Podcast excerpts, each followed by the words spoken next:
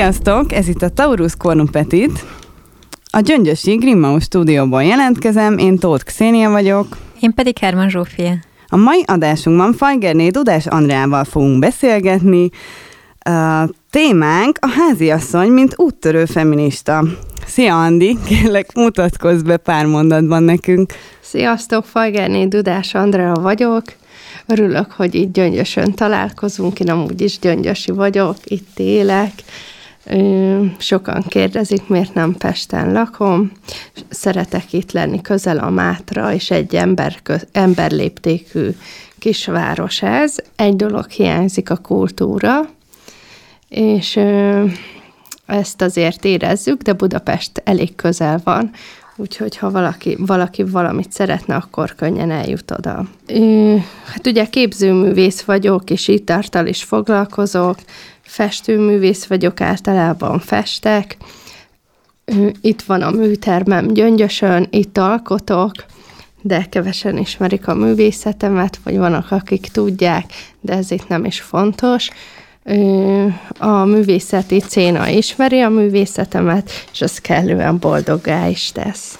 Közben amúgy itt van a gyerekem is a stúdióban, úgyhogy ő a háttérzaj. Mert még kicsi, úgyhogy együtt vagyunk. Uh, szerettünk volna téged kérdezni. Volt egy uh, olyan performance láttam az interneten, amikor terhes voltál, és uh, direkt egy ilyen anyaságos performanszot hoztál létre, amikor a többi nő téged fésült, és tehát egy ilyen szertartás jellegűen volt bemutatva az egész nőiség és a terhesség, hogy erről, erről a performanszról mesélnél Igen. nekünk egy picit? 2014-ben volt a Türelem Rózsát terem performanszom az ACB galériában, a közönség vághatta le a hajamat 29 tincsben. Én fésültem a hajamat, még vártam, hogy jön a közönség, és akkor készítettem 29 tincset, az azért volt, mert 29 hónapot kellett várni a Lombik program után, hogy anya legyek. Ez az egész sokkal hamarabb kezdődött 2010-ben. Jártam New Yorkban, és láttam Frida Kahlo-nak azt a képét, amikor levágja a haját, és dégóval szakított, és akkor ott vannak a hajtincsek levágva, és elvágja az eret is, ami a szívével a dégóhoz vezet, mert hogy szakítottak és szomorú, de én ebből a felindultságból nem azért megfogadtam ott a kép előtt, hogy én viszont addig fogom növeszteni a hajamat, amíg anya nem leszek, mert nekem általában mindig rövid hajam volt, és neki meg, és, és hogy ha ne, neki épp ott Fridának hosszú haja van, és ugye rövidre vág, én meg addig növesztem, amíg anya nem leszek, így ö, szerencsére ilyenkor már kezd aludni, és hiszt is lenni a gyerek.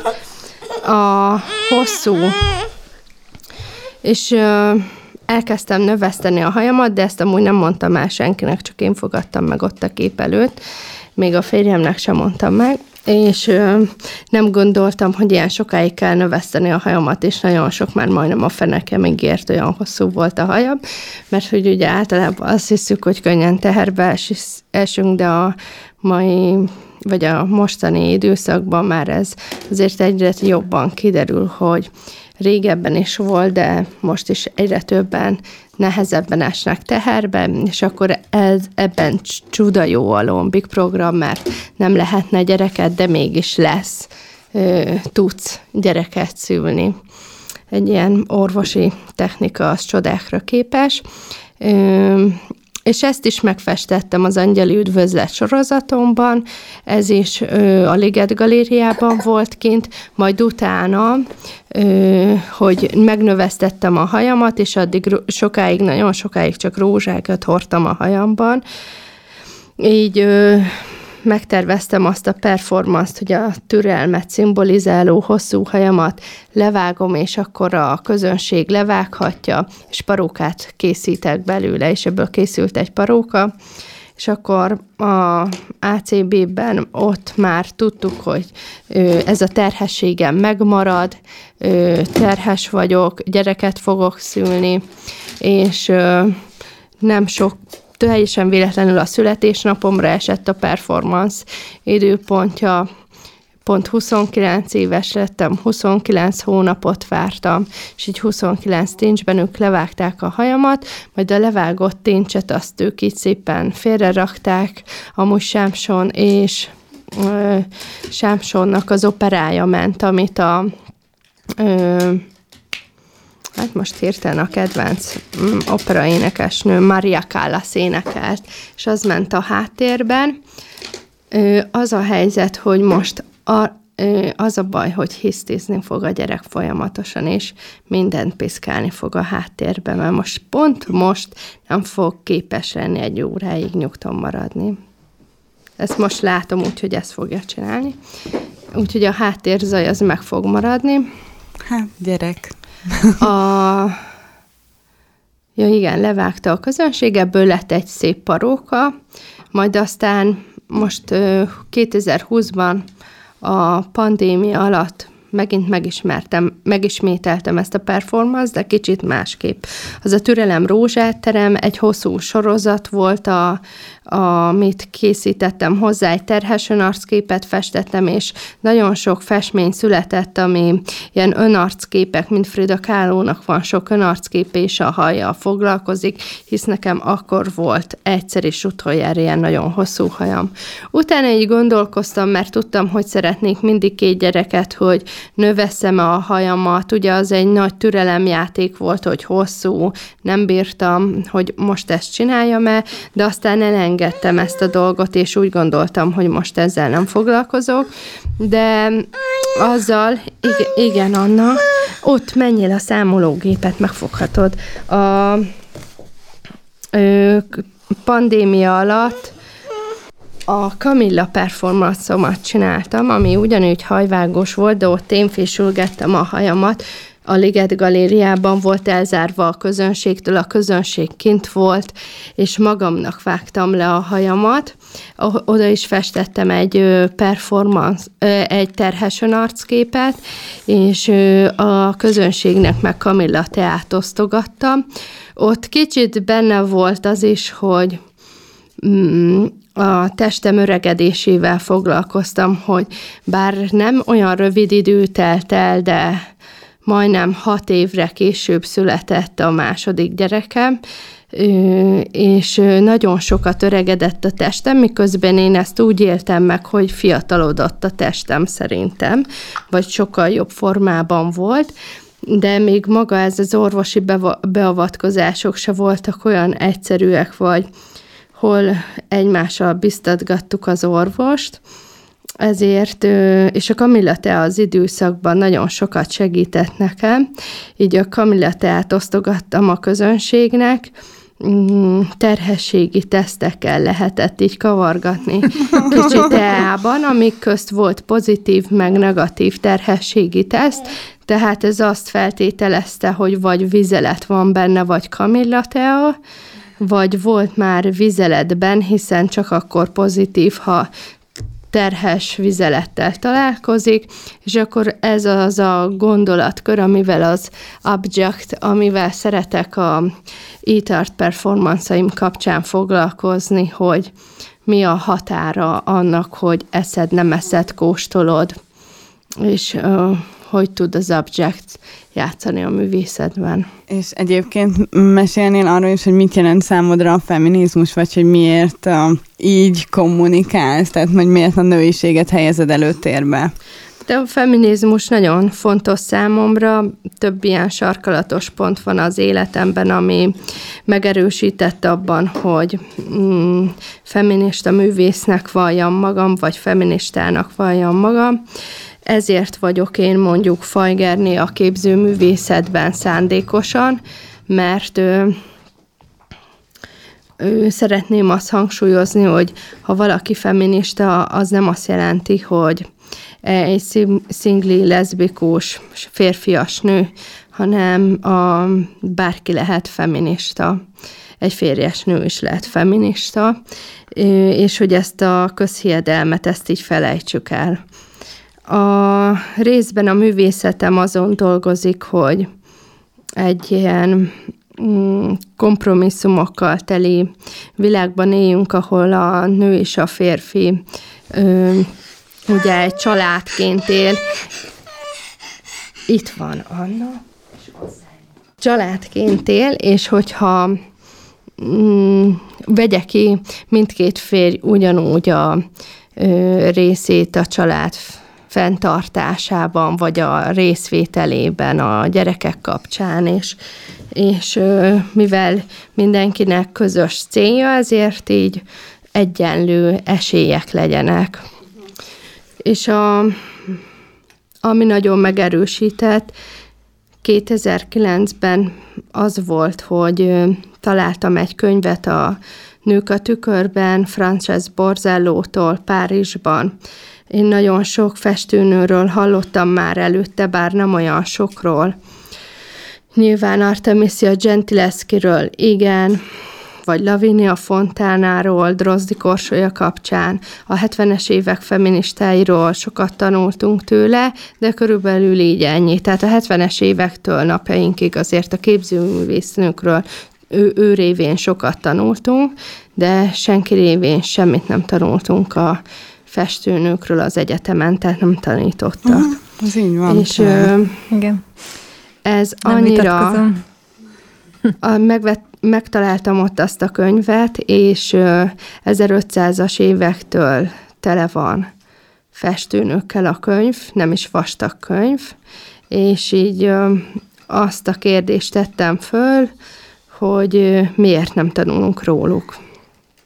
És nagyon sok nő van a nőnemű, meg többen vannak a hallgatók között. A, szerintem a tanárok, a mesterek, a professzorok is már több nő van talán, mint férfi, és nem értem, hogy miért nem beszélünk a nőkről a képzőművészetben, és így küldetésemnek vettem azt, hogy minden művemben valahogy reflektálok valamely képzőművésznő művére, és ezt ki is hangsúlyozom, vagy kompozíció, vagy színhasználat, vagy valamely kis részlet, vagy gondolat, vagy attitűd, vagy csak egy fotójára, és abból indul ki minden. Gondolok itt mondjuk Szonya Dölónéra, de aztán teljesen mást, másról szól a festészetem.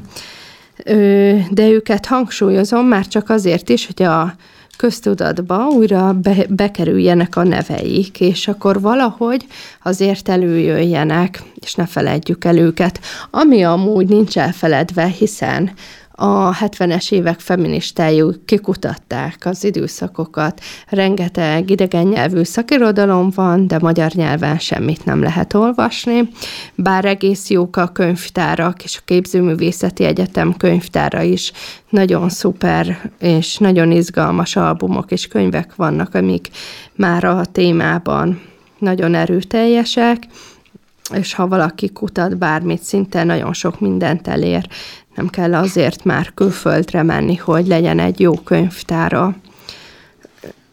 Viszont ugye idegen nyelven olvasni kell, mert ma még nincs. Viszont van egy jó könyv, Betty Friedennek a nőiesség kultusza, ami most jött ki 21-ben, adták ki így évvégén, úgyhogy inkább ilyen 22-nek nevezzük, mert így most terjed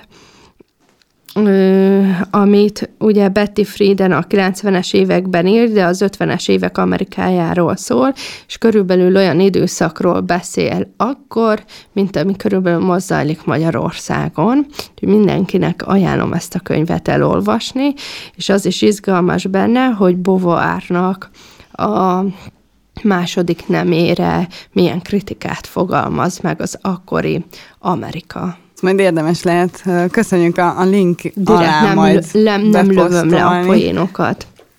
Köszönjük, és még az is kérdés lenne, hogy volt a háziasszony katalizátora című kiállításon, és én a kék szín, tehát hogy alapból a te művészetet a kékkel hozom kapcsolatba, tehát hogy én a, a, erről a kiállításról, valamint a kék, mint szimbólum, vagy szimbolikus szín használatról is szeretnének kérdezni.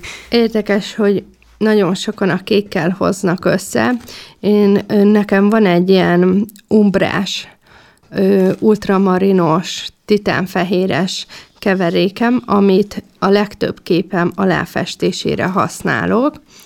Ez az egy ilyen jó kis szürkés kék, amire nem fehér alapra festek soha, hanem erre kezdek festeni. Általában ezzel kelem be az összes vásznomat, és arra épül a festmény.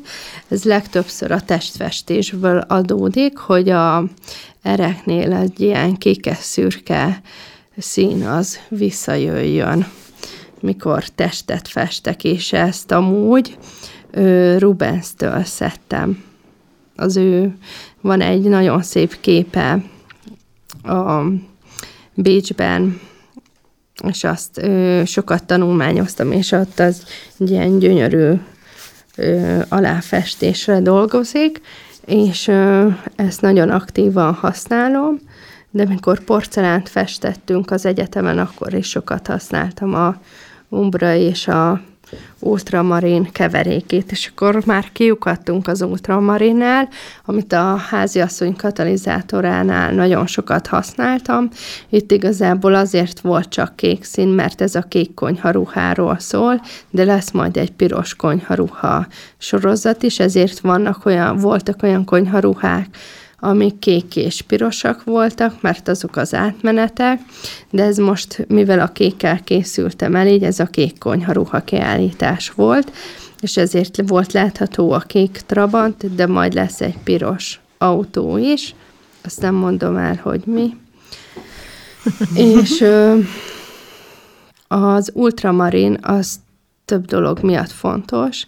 A kék szín egyrészt Eve Kleinra reflektál, van az Eve Klein kék, és reflektál arra, hogy ő ugye nem csak női testeket, tehát a feministák szeretik azt hangsúlyozni, hogy nőket festett be, és nőket dobált a vászonra, és a mesztelen női testet rángatta a vásznon, de tudjuk, hogy nem csak női testeket, hanem férfiakkal is megtette ugyanezt, úgyhogy én mind a kettőt hangsúlyozom, tehát, hogy akárhogy is nézzük, a testet használta, és a test ecsetté vált.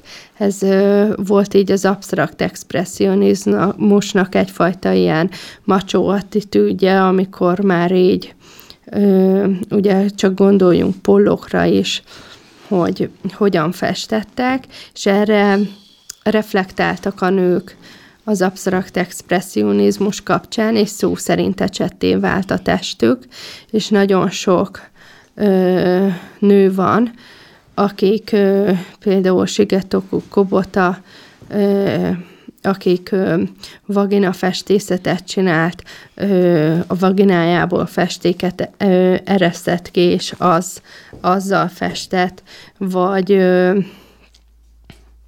Jenin Antoni, aki a Lovinker performanszában hajjal festette a haját, festékbe mártotta, és a hajával festette a teret a földön, és az a gesztus festészetként jön vissza. Én ismerek ilyen férfi festőt is egyébként.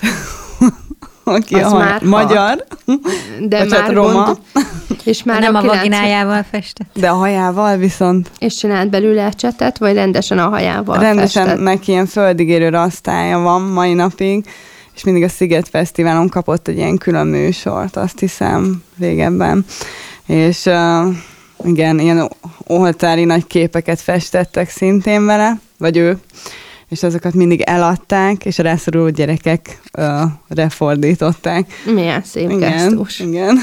És ez így a, a nőknek egy ilyen tevékenysége volt, hogy így a, a absztrakt expressionizmus után így a 70-es, 90-es években ö, a testüket használva reflektálnak a festészetre, Úgyhogy Eve Klein ezért volt fontos, meg a ő kéke, az Eve Klein Blue ezért fontos a művészetem kapcsán.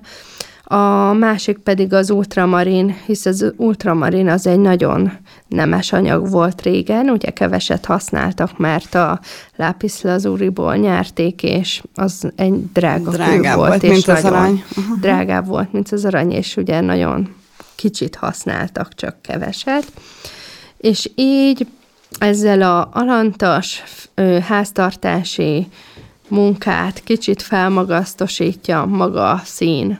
Persze ezek már nem olyan nemes anyagok, de ő, mégis az ultramarin hordozza ezt a drágaságot, vagy a értéket, és ő, egy ilyen alantas háztartási munkát végezni, a felmosást, a takarítást, miközben a kék szín ugye jelképezi a vizet is általában, a vízhez nyúlunk, akkor kékes, valami kékes árnyalatra festünk, és akkor így ezeknek a kapcsolatából adódott össze a háztartási gesztusokból a kék szín fontossága, ami ugye majd a vermilion vörössel kiegészül, és így a konyharuha, ami egy absztrakt, geometrikus festészetet is idéz, de közben a expressionizmus, a gesztus festészet is találkozik.